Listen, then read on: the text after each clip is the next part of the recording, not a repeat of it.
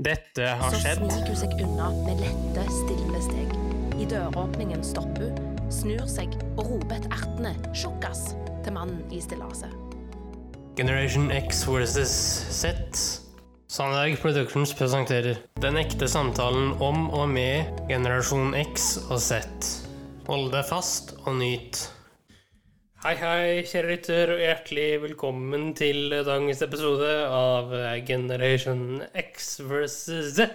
Og i dag, kjære kompanjong, Ja da. Vi tar for oss en mann, franskfødt, i det der møkkalandet Frankrike. eh, og det er eh, Henry Cavendish.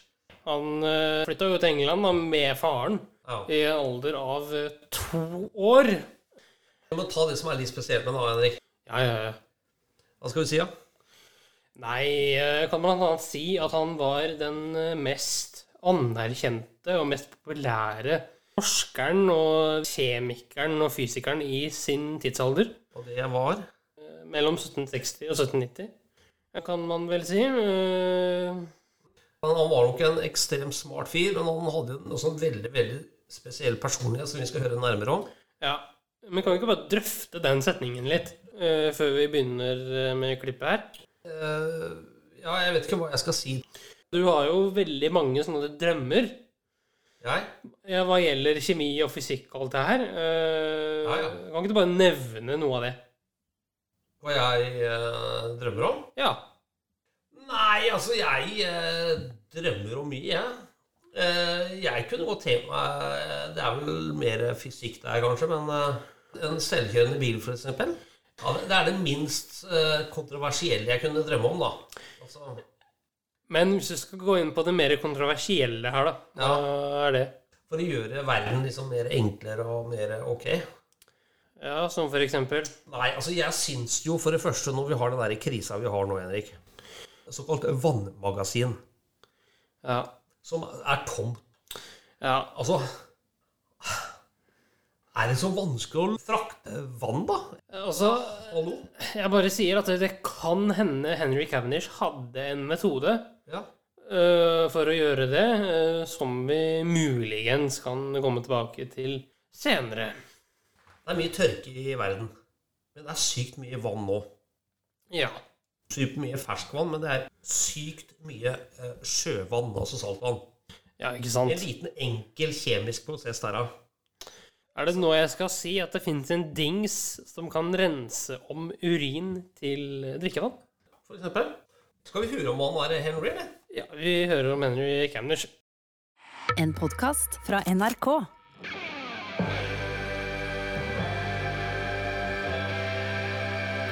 Velkommen til Gal og genial, en vitenskapsserie for det som elsker sære genier. Med meg, Torfinn Borchhus, og min venn Sven Biskår Sunde. Nå skal du få høre om en vitenskapens onkel Skrue. En slags værmeldingas farfar-farfar-farfar, Henry Cavendish. Jeg ville beskrevet ham som en eh, gammel sjøulk. Eller en, gam, nei, en gammel sjørøver. Ja, faktisk. Han hadde den trekanta hatten. Ja, og Som- Så hadde han sånn sjørøverfrakk. Ja. Yrkestittel. Eh, Kjemiker, filosof, matematiker, fysiker, meteorolog, geolog, eiendomshai, bibliotekar, eh, landeier, filantrop. Jøss. På et visst punkt var han filantropisk, og, men mest av alt, vitenskapsmann. Ja, for en eh, CV. Ja. Henry hadde visstnok ei litt tynn og skingrende stemme, eh, og en talefeil som kan kanskje forstås som en slags stamming, eller at han hadde problemer med å finne de rette ordene. Ja, og Derfor så sa han svært, svært lite. Eh, uten tatt hvis det da var vitenskapelige diskusjoner, eller noe som jo interesserte han veldig. eh, men med en gang samtalen dreide seg vekk fra viten, så kunne han være jeg vil si, såpass frekk at han rett og slett bare snudde seg vekk. Jepp. Eh, da var han ikke interessert. eh, men han var jo ikke alltid sånn. Nei. Før han blei en sjenert, eh, litt sånn eh, va- vanskelig tilsnakkende fyr. Ja, for nå er året 1731. Ja, det er såpass lenge siden, ja. Ja. Eh, Og den veldig britiske, veldig aristokratiske Cavendish-familien får et nytt familiemedlem. Ja. Henry Cavendish blir født 10. oktober 1731, 94 år før det i det hele tatt fins jernbane i England. Eh, Dette er ei tid uten fly, uten bil, uten buss, ja, til og med sykkelen, altså velosipeden, er en gang blitt vanlig. Faren, lord Charles, han er andre hertug av Devonshire, og det er baroner. Cavendish-slekta er skikkelig gammelslekta i England. Og de er sjølsagt styrtende rik, så Henry blir født i Nis i Nice. Frankrike. Det er veldig nice. Veldig nice. Der familien bodde på grunn av at mora, lady Anne, hadde litt dårlig helse. Ja, familien Cavendish de hadde et eh, motto, Cavendo Tutus, som betyr Trygghet gjennom forsiktighet. ja, Ja, at de er- Safe by being cautious. Ja, Og det her kommer til å gi mening ganske snart. Ja, trygghet gjennom forsiktighet. Det kan du godt si. For allerede her nå, to år ut i Henry sitt liv, skjer det noe som skal forandre alt. Ja, nå skjer det noe utrolig eh, viktig. Det her kommer kanskje til å påvirke han mer enn eh, han nesten skjønner sjøl. Ja. for nå skjer det noe som vi kan se spor av gjennom hele livet. Eh, Absolutt. Mora, lady Anne the Grey, som hun heter, hun dør dessverre når Henry er to år. Og de flytter da etter hvert hjem til London. Og her kan oss vel si at Henry sin relasjon til damer er over. Til alle kvinner. Alle damer Ja. heretter. ja for altså, eh, livet hans sitt her Tenk nå. Han kunne vokst opp eh, i en eh, rik og lykkelig familie, med, lang, men med Middelhav, i deilig Nis, kunne gått på stranda. Åh. Det kunne vært et sånn et paradis, på en måte. Ja. Alt kunne vært eh, helt annerledes. Eh, Men de, eh, de flyttet til England, og mora er vekk. Det her gir Henry ei spesiell utfordring i livet. For hans kryptonitt, det blir nå damer. Det er, han, han klarer ikke å omgås damer. Han takler ikke kvinner i det hele tatt. Eh, Det går til slutt så langt at han på et tidspunkt i livet han, kom, han kommer til å bygge om huset sitt eh, for å slippe å møte kvinner. Men når han har flytta hjem til London i lag med faren og storebroren, kan da Henry boltre seg i et hus som er fullt av måleinstrumenter. Det er termometre, det er barometre, det er reagensrør, store og små kolber. Huset er en eh, lab. Ja. Det det bobler og syder i alle rom, og der er reagensrør og kolber overalt. Ja, fordi at far til Henry han er vitenskapsmann sjøl, og han har gjort store oppdagelser innafor termometeret. Så Ja. han blir veldig heimeundervist av far sin, lille Henry nå. Ja, og nå, nå merker vi jo det som vi sa i stad, med at mora har blitt borte. For det, Henry eh, han eh, ser opp til sin far, Ja. eh, og de kommer til å bo sammen eh, i Great Marlborough Street helt fram til farens død. Eh, Så han Eller, Ja. de skal ikke bo helt sammen, Nei. fordi eh, Henry Cavendish han bodde i en stall. Ja, Eller en, en ombygd stall. I hagen til faren. Så han er, han er en eh, pappagutt. Å bo i en ombygd stall høres ikke veldig sånn glamorøst overklasse ut, men Henry sitt liv er jo Sett i datida sitt perspektiv, det her er jo 1700-tallet, det er jo en dans på roser på mange vis. Han vokser jo opp i rikdom. Han slipper jo å bekymre seg for det neste måltidet og hvordan de skal overleve. Altså, Han har jo tid til å nerde. Det er jo kanskje også en av grunnene til at han blir en sånn fantastisk vitenskapsmann. For det, hadde han eh, vokst opp sånn som folk flest på den Ja. tida, så hadde han vel brukt all tid i- bare på å overleve. Ja. Jobb, jobb og mat. Ja. Men han har tid til å nerde, han. Han har tid til å forske og måle og bare drive på med sånn gutteting. Men han har store utfordringer med damer, som også har sagt, men generelt med sosialisering. Ja, han er ekstremt sjenert. Eh, Veldig, veldig, veldig blyg. Eh, så hvordan skal dette gå, egentlig? Ja. For å kompensere litt for den blygheta her, så arrangerer faren iblant middager der han inviterer kolleger fra The Royal Society, som da er vitenskapssamfunnet i England, til sammenkomster der han logger litt sitat, 'filosofisk underholdning av en kunstig frost gjennom en blanding av salmiakk og vanlig vann', etterført av sitat, 'en veldig god middag'. filosofisk underholdning av en kunstig frost gjennom en blanding av salmiakk og vanlig vann. Tørris og sånn. Ja, ok. Eh, f- eh, At du Sånn røyk. Ja. Logger kunstig røyk, da. oi, oi. For hvis du blander salmiakk og Science show. Ja, han har et eh, vitenskapsshow og en veldig god middag etterpå. Oi, Mhm. oi, oi. For Henry og noen kollegaer. Så her får jo da unge Henry, den legendarisk blyge unge Henry, prøvd seg på litt naturvitenskapelig selskap. og Ja. omgang i, i ung alder, da. Så eh, han blir veldig påvirka av farens nerderi og interesse. Eh, For han, ju- han ender jo opp med å gjøre veldig mye av det samme. Ja. Altså, Det skjedde masse ting da han var ung, som har forma han, men nå hopper vi 25 år fram i tid. Ja.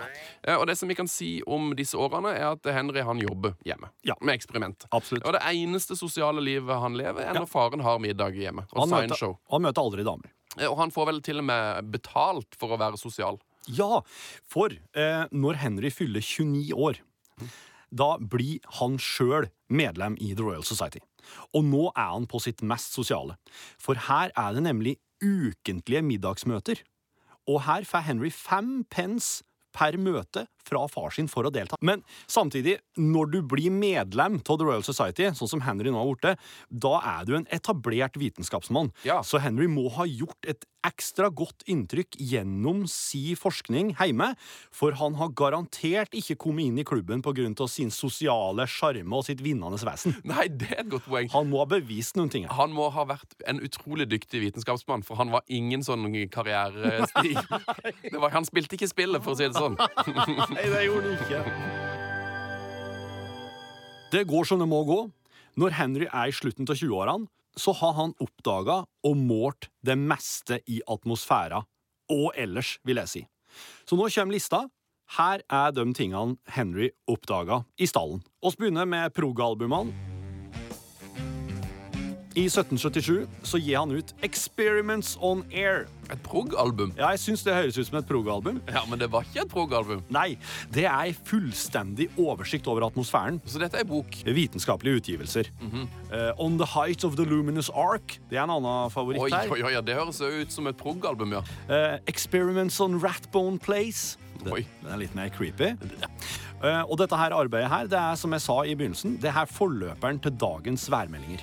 Han var veldig nøyaktig, kanskje en av de mest nøyaktige i vitenskapshistoria, og ble kjent over hele Europa for detaljfokuset sitt. Og hvis Henry fikk tilsendt et måleverktøy av noe slag, så tok han det fra henne først, for å sjekke at alt var i orden. Henry var den første til å isolere hydrogen. Han kalte det brennbar luft. Og deretter så var han den første til å kombinere oksygen og hydrogen for å lage vann. Og her kommer det en quiz. Hvorfor en kjemisk formel for vann deler også navn med et gensermerke fra ca. 20 år siden? Å, H2! H2 er riktig! Wow! Det var nemlig Henry som først gjetta at det skulle være et totall der. Fordi at det er to hydrogenatomer og ett oksygenatom i vann. Og som vi sa i begynnelsen her, Ja. det er nesten umulig å leve et liv uten å bli påvirka av arven etter eh, Henry Cavendish. Jepp. Han var den første til å analysere atmosfærisk luft, og etter å ha fjerna alt oksygenet og nitrogenet fra ei luftprøve, så fant Henry ut at det er jo en rest her, på ca. 0,8 som han ikke kunne finne ut hva var. Og 109 år seinere, da ble argon den første edelgassen som ble oppdaga. Så han hadde Forutså det! Ja. Han målte så nøyaktig at han Ja. skjønte at det mangler noe. ja, Og det er den 0,8 prosenten! Det er så lite! Det er så bra! Uten å fortelle noe om det egentlig, så foregrep han Ohms lov for ledning av strøm, Daltons lov for partialtrykk, Richters lov om gjensidige proporsjoner, Charles lov om gass, Kelvins arbeid på tidevannsfriksjon, og han foregrep også oppdagelser innen lokal atmosfærisk nedkjøling, mekaniske blandinger på frysepunktet og heterogen likevekt. Ja. Så det her kunne ha vært Cavendishs lov alt i hop. Ja. Henry forsker også på elektrisitet, blant annet ved å gi seg sjøl sterkere og sterkere støt. Og, så noter- Dette liker jeg. Dette liker jeg. og blant annet så brukte han elektrisk ål for å teste det her. Så skriver han ned smerteopplevelsen til han ikke klarer å helle penna eller helle seg sjøl bevisst. Og den elektrisitetsforskninga her var, held deg fast, 100 år forut for sin tid ennå. 100 år foran. Ja. For det var ikke før i 1871 at skotten James Clerk Maxwell fikk i oppgave å gå gjennom Henrys forskning, og da oppdaga Maxwell at her er det jo masse ting som Cavendish ikke har blitt kreditert for. Henry Cavendish han er 52 år når det skjer noe nytt og veldig viktig. Han har nå bodd i den ombygde stallen i hagen til far sin hele sitt liv. Fram. I 50 av sine 52 år Ja. etter dette de flytta hjem fra NIS. Mora er jo borte for lengst. Ja, og faren har vært klippende kneppen eh, i livet til Henry. Han har på en måte vært døråpneren. Han har satt i gang alle prosesser i livet til Henry. Han har vært der som en sånn en eh, veiviser. Men så skjer det. Faren dør. Dette er ekstremt dramatisk. For første gang nå er Henry helt på egen hånd. Verdens blygeste fyr er nå for seg sjøl. Det går faktisk Det bra. går, det går dritbra! Ja, det gjør Det det. er det som er så rart. Eh, Faren dør, og man tenker nå er det, Oi, dette oi, oi. er slutten for Henry. Han er for blyg. Ehm, dette går ikke bra. Det går faktisk så bra vil jeg si, at han bare kjøper seg to nye hus. Han kjøper seg ett i Bedford, rett ved British Museum, og ett i Clapham, som er på en måte landsbygda i London. For han skal ha litt eh, fred og ro rundt seg. Han skal ikke ha så mye eh, bygging og bråk rundt. I Bedford, for eksempel, der har den norsk eik på gulvene. Er det sant? Ja, ja, ja. Er det sant? Ja da. Norway Oak. Ja, for det har jeg lest om dette huset, for det er jo i dag en del av British Museum. Det ligger jo rett bak der. Ja. Eh, Og det blir vel brukt som kontor eller noe sånt i dag. I dag, ja. Mm. Og de sier jo at det huset her er fantastisk. Ja. Så det er godt håndverk. Å, ja. Og da ble jeg litt stolt når, jeg, når du da også sier at det var norsk eik der inne. Det blir, det blir liksom ikke høyere kvalitet. Nei. Og i Clapham da, så brukte Henry eh, huset sitt som et slags eh, observatorium, laboratorium, hadde smie. Der var der han bygde ekstra tropp for å slippe å møte de kvinnelige ansatte. Ja, det var her han hadde ei ekstra trapp. ja. Ja, og eh, her er det jo ei eh, historie fra eh, når hun ene husholderska hans skriver en lapp til henne, der det står eh, eh, Sir, det er ikke nok med den ene lammekoteletten til kveldens middag når vi har gjester. Ja, For han brukte alltid å ha én lammekotelett til middag. Mhm. Og da skriver Henry en lapp attende der det bare står 'kjøp to'. To lammekoteletter. Det skulle være flere middagsgjester, men to lammekoteletter, da. For en legende. Eh, for Agnien. Han var gnien på egne ting, ja. Ja. Det var han. Men han var jo ikke egentlig gnien på utsmykninga i husene sine. Nei. Det var ganske påkosta. Ok. Ja. I det andre huset, i Bedford, der har han jo så mange bøk at det er jo nesten ikke plass til noe annet. Og han fant opp et kortsystem for utlån, men det ble etter hvert litt for mye styr, så han måtte ansette en fyr for å helle denne utlånsordninga i gang. Ja, og han fyren her, eh, han liker jeg godt. Vi tar en quiz nå. Hvor mye tror du hans gamle eh, bibliotekar fikk i en gave når Henry Cavendish hørte at han var syk? Har jeg alternativer? Fem pund? Ja. 50 pund? Oh, Eller 10 000 pund? ti millioner norske kroner i dag, ja. Ja, På så- den tida, ja. Ja, Da tipper jeg han ga han 50 pund. 50 pund. Det er feil! Hæ? Det er ikke 50 pund. Det er, hold deg fast, 10 000 pund. Han ga han 10 000 pund! Det, det er helt sykt. Altså omtrent 10 millioner kroner i dag. Eh, Og det her er veldig gøy, eh, for det, er liksom, det at Henry var grådig og gnien, det Ja. stemmer altså ikke Nei. helt. Seg sjøl skal han ikke bruke noe særlig på. Eh, Av andre ting som er verdt å nevne om Henry Cavendish, var at han likte jo ikke å bli sett på i det hele tatt. Og når han prata med noen, så så de aldri inn i øynene, han så en annen vei. Og dem som ville prate med Henry Cavendish, som ville komme i prat med han, dem ble oppfordra til å ikke se på han, men heller han bare stå i rommet i nærheten av han og prate ut i lufta. Som om de prata høyt med seg sjøl. Det er veldig rart. For hvis du da heller en god vitenskapelig prat gående med deg sjøl, kanskje Henry Cavendish interesserer seg. Kanskje han hiver seg på. Ja, kanskje han hiver seg på. Man kan argumentere for at Henry Cavendish hata fremmede. Ja. Det kan man glatt gjøre. Eh, og hvis han kom inn i et rom eh, og så noen han ikke kjente, Ja. hva gjorde han da? Han ville vekk, og han ga fra seg et høyt lyst kvepp. Og det var visstnok, eh, jeg vet ikke, si et eh, familietrekk for Cavendish-folkene eh, å være litt stille. Eh, De var ikke kjent for å være veldig pratsomme type. Nei. Det fins en nydelig anekdote. Ja. Eh, Der Henry og broren Frederick eh, De hadde tatt turen over den engelske kanalen til Calais, Jo. eh, hvor de skulle overnatte på et hotell. Eh, Og på vei bort korridoren der, så går de forbi et rom hvor det er et såkalt likskue. Ja, det er en død person som ligger i ei seng, og så kan dem som vil komme og se. Og når de da går forbi det rommet Tenker du, hva sier de da? Ja, De sier Ingenting. Ingenting. Ingenting. Ingenting. Og så, neste dag, så skal de til Paris, og de sier jo nesten ingenting, disse folkene. Nei. Men så skjer det noe. Ja. Kanskje vi skal ta oss og Ja. gjenfortelle eh, dialogen på vei til Paris. ok. Did you see the corpse? I did. Og det var samtalen! I sin helhet. Og En gang så kom det også en fransk vitenskapsmann på besøk til The Royal Society. Han var veldig ivrig på å møte Henry, for jeg husker jeg sa det, han var kjent i hele Europa for sin nøyaktighet. Eh, Og han franskmannen her var en stor fan. Eh, Og når han da fikk møte Henry på The Royal Society, så begynte jo han franskmannen å Oi, très bien, oh, så, Ai, ai, ai. For å skraute av Henry, ikke sant? Noe sier meg at dette ikke er veien å gå. Og Henry sto bare helt urørlig og så ned i bakken når han ser ei åpning. Så bare springer han det forteste han kan, rett gjennom folkemengda, rett i hestevogna og rett hjem til Bedford. Eh, f- Fun fact her. Den der hestevogna, der hadde så klart Henry montert et såkalt odometer som målte avstanden han reiste, så at han hele tida kunne helle styr på hvor langt han hadde reist. Å, det er så rått for det og det. Altså, han er jo eh, målingens eh, far. Ja, han er det. I tillegg så gikk Henry ei fast rute i Clapham hver dag, og en dag så hadde et par lokale damer stilt seg opp for å se på han, for han var jo, de syntes jo han var litt spennende, han den typen der. Og da Henry kom gående og så at de så på han, da bråsnudde han og gikk hjem. Og etter det her så gikk han alltid kveldstur i stedet.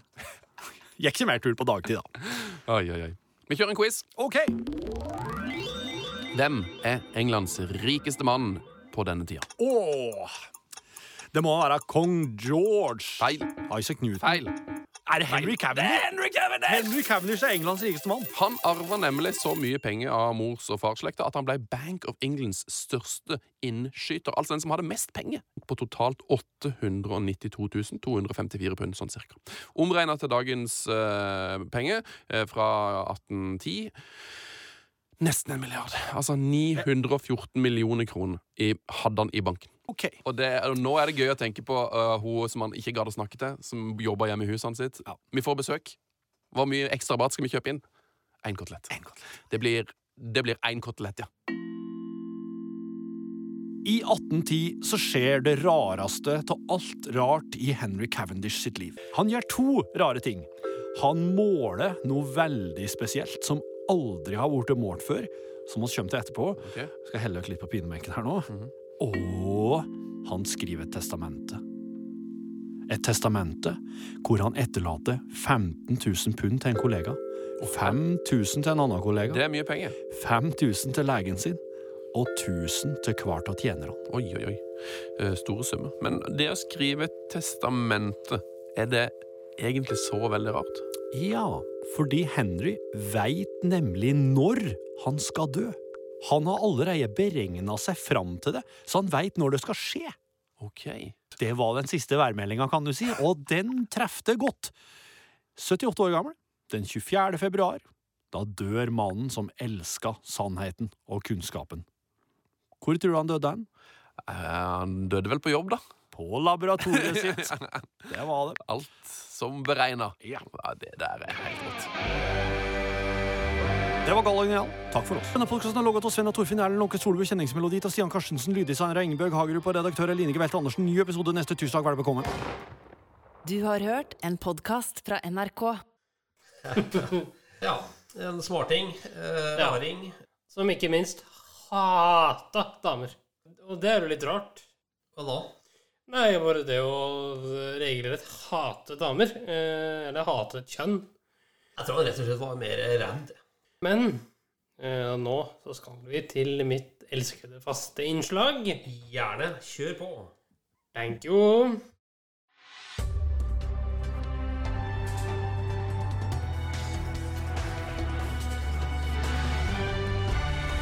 NRK-hjørnet.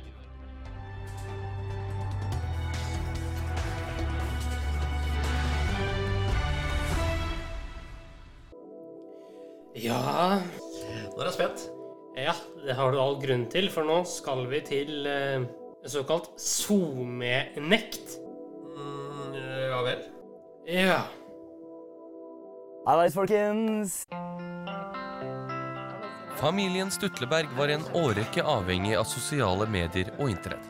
Men nå har familien endelig tatt grep om situasjonen. Altså, Vi prata jo ikke sammen lenger. Alle satt jo og klikka på hver sin iPhone. Og da tok vi en avgjørelse om å slutte med smarttelefon, Facebook, Internett. Og etter det så har vi fått tid til hverandre.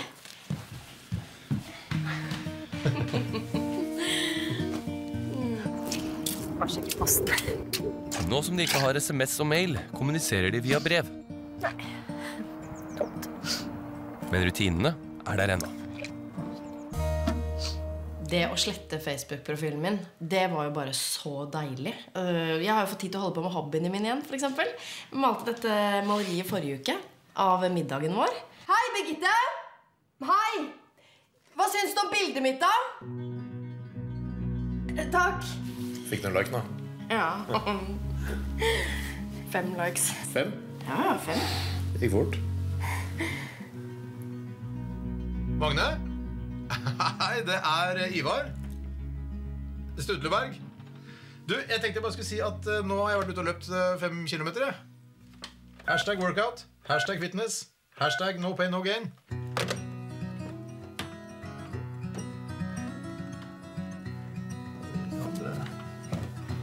Vi må rekke kampen da, pappa.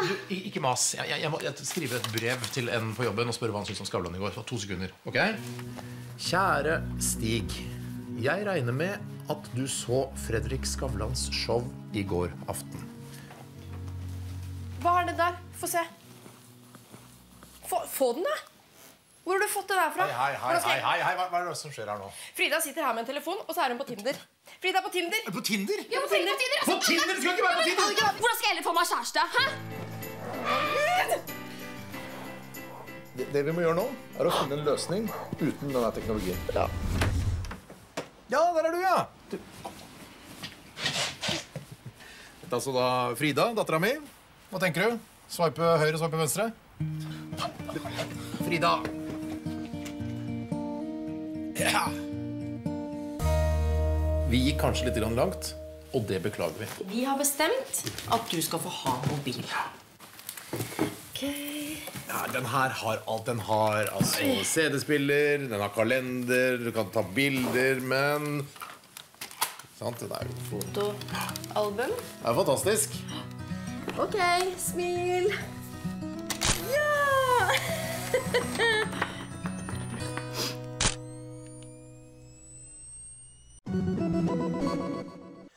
Ja. Eh, Mens jeg hørte på, så tenkte jeg, Henrik Hva om du og jeg ikke bruker internett på en hel måned? Ok, jeg kan si én uke. Eh, Du kan være så god, men øh, jeg tror jeg tar en hard pass på den. Altså. Du er ikke interessert i den, nei? Nei. Nei, Jeg spør om en stund igjen, du vet det. Ja. Det er liksom for å bryte noen vaner, kanskje, eller bryte noe ting og tang som gjør at man reflekterer på en litt annen måte enn det man kanskje tidligere har gjort. ja, selvfølgelig, men øh, det jeg vil tro, da, det er at øh, når du spør, Mm-hmm. så er internett såpass normalt at det ikke har relevans. Eh, Går man ikke da litt for langt, eller? Altså, jeg føler vel at man tar gjerne to-tre steg tilbake øh, kontra ett fram. Ja, ok. Ja, ja. Jeg tror ikke vi blir ferdig med den diskusjonen. her, Henrik, men du, jeg bare syns det har vært fornøyelse igjen. Vi har hatt eh, podd sammen med deg, og jeg bare, jeg bare gleder meg til neste uke. Ja, det blir bra, det. Hei da. Tusen takk for at du fulgte oss. Eh, Gi gjerne tilbakemelding, likes eller kommentar på Facebook-siden vår Generation X versus Z. Velkommen igjen til neste podkastepisode. Hei då!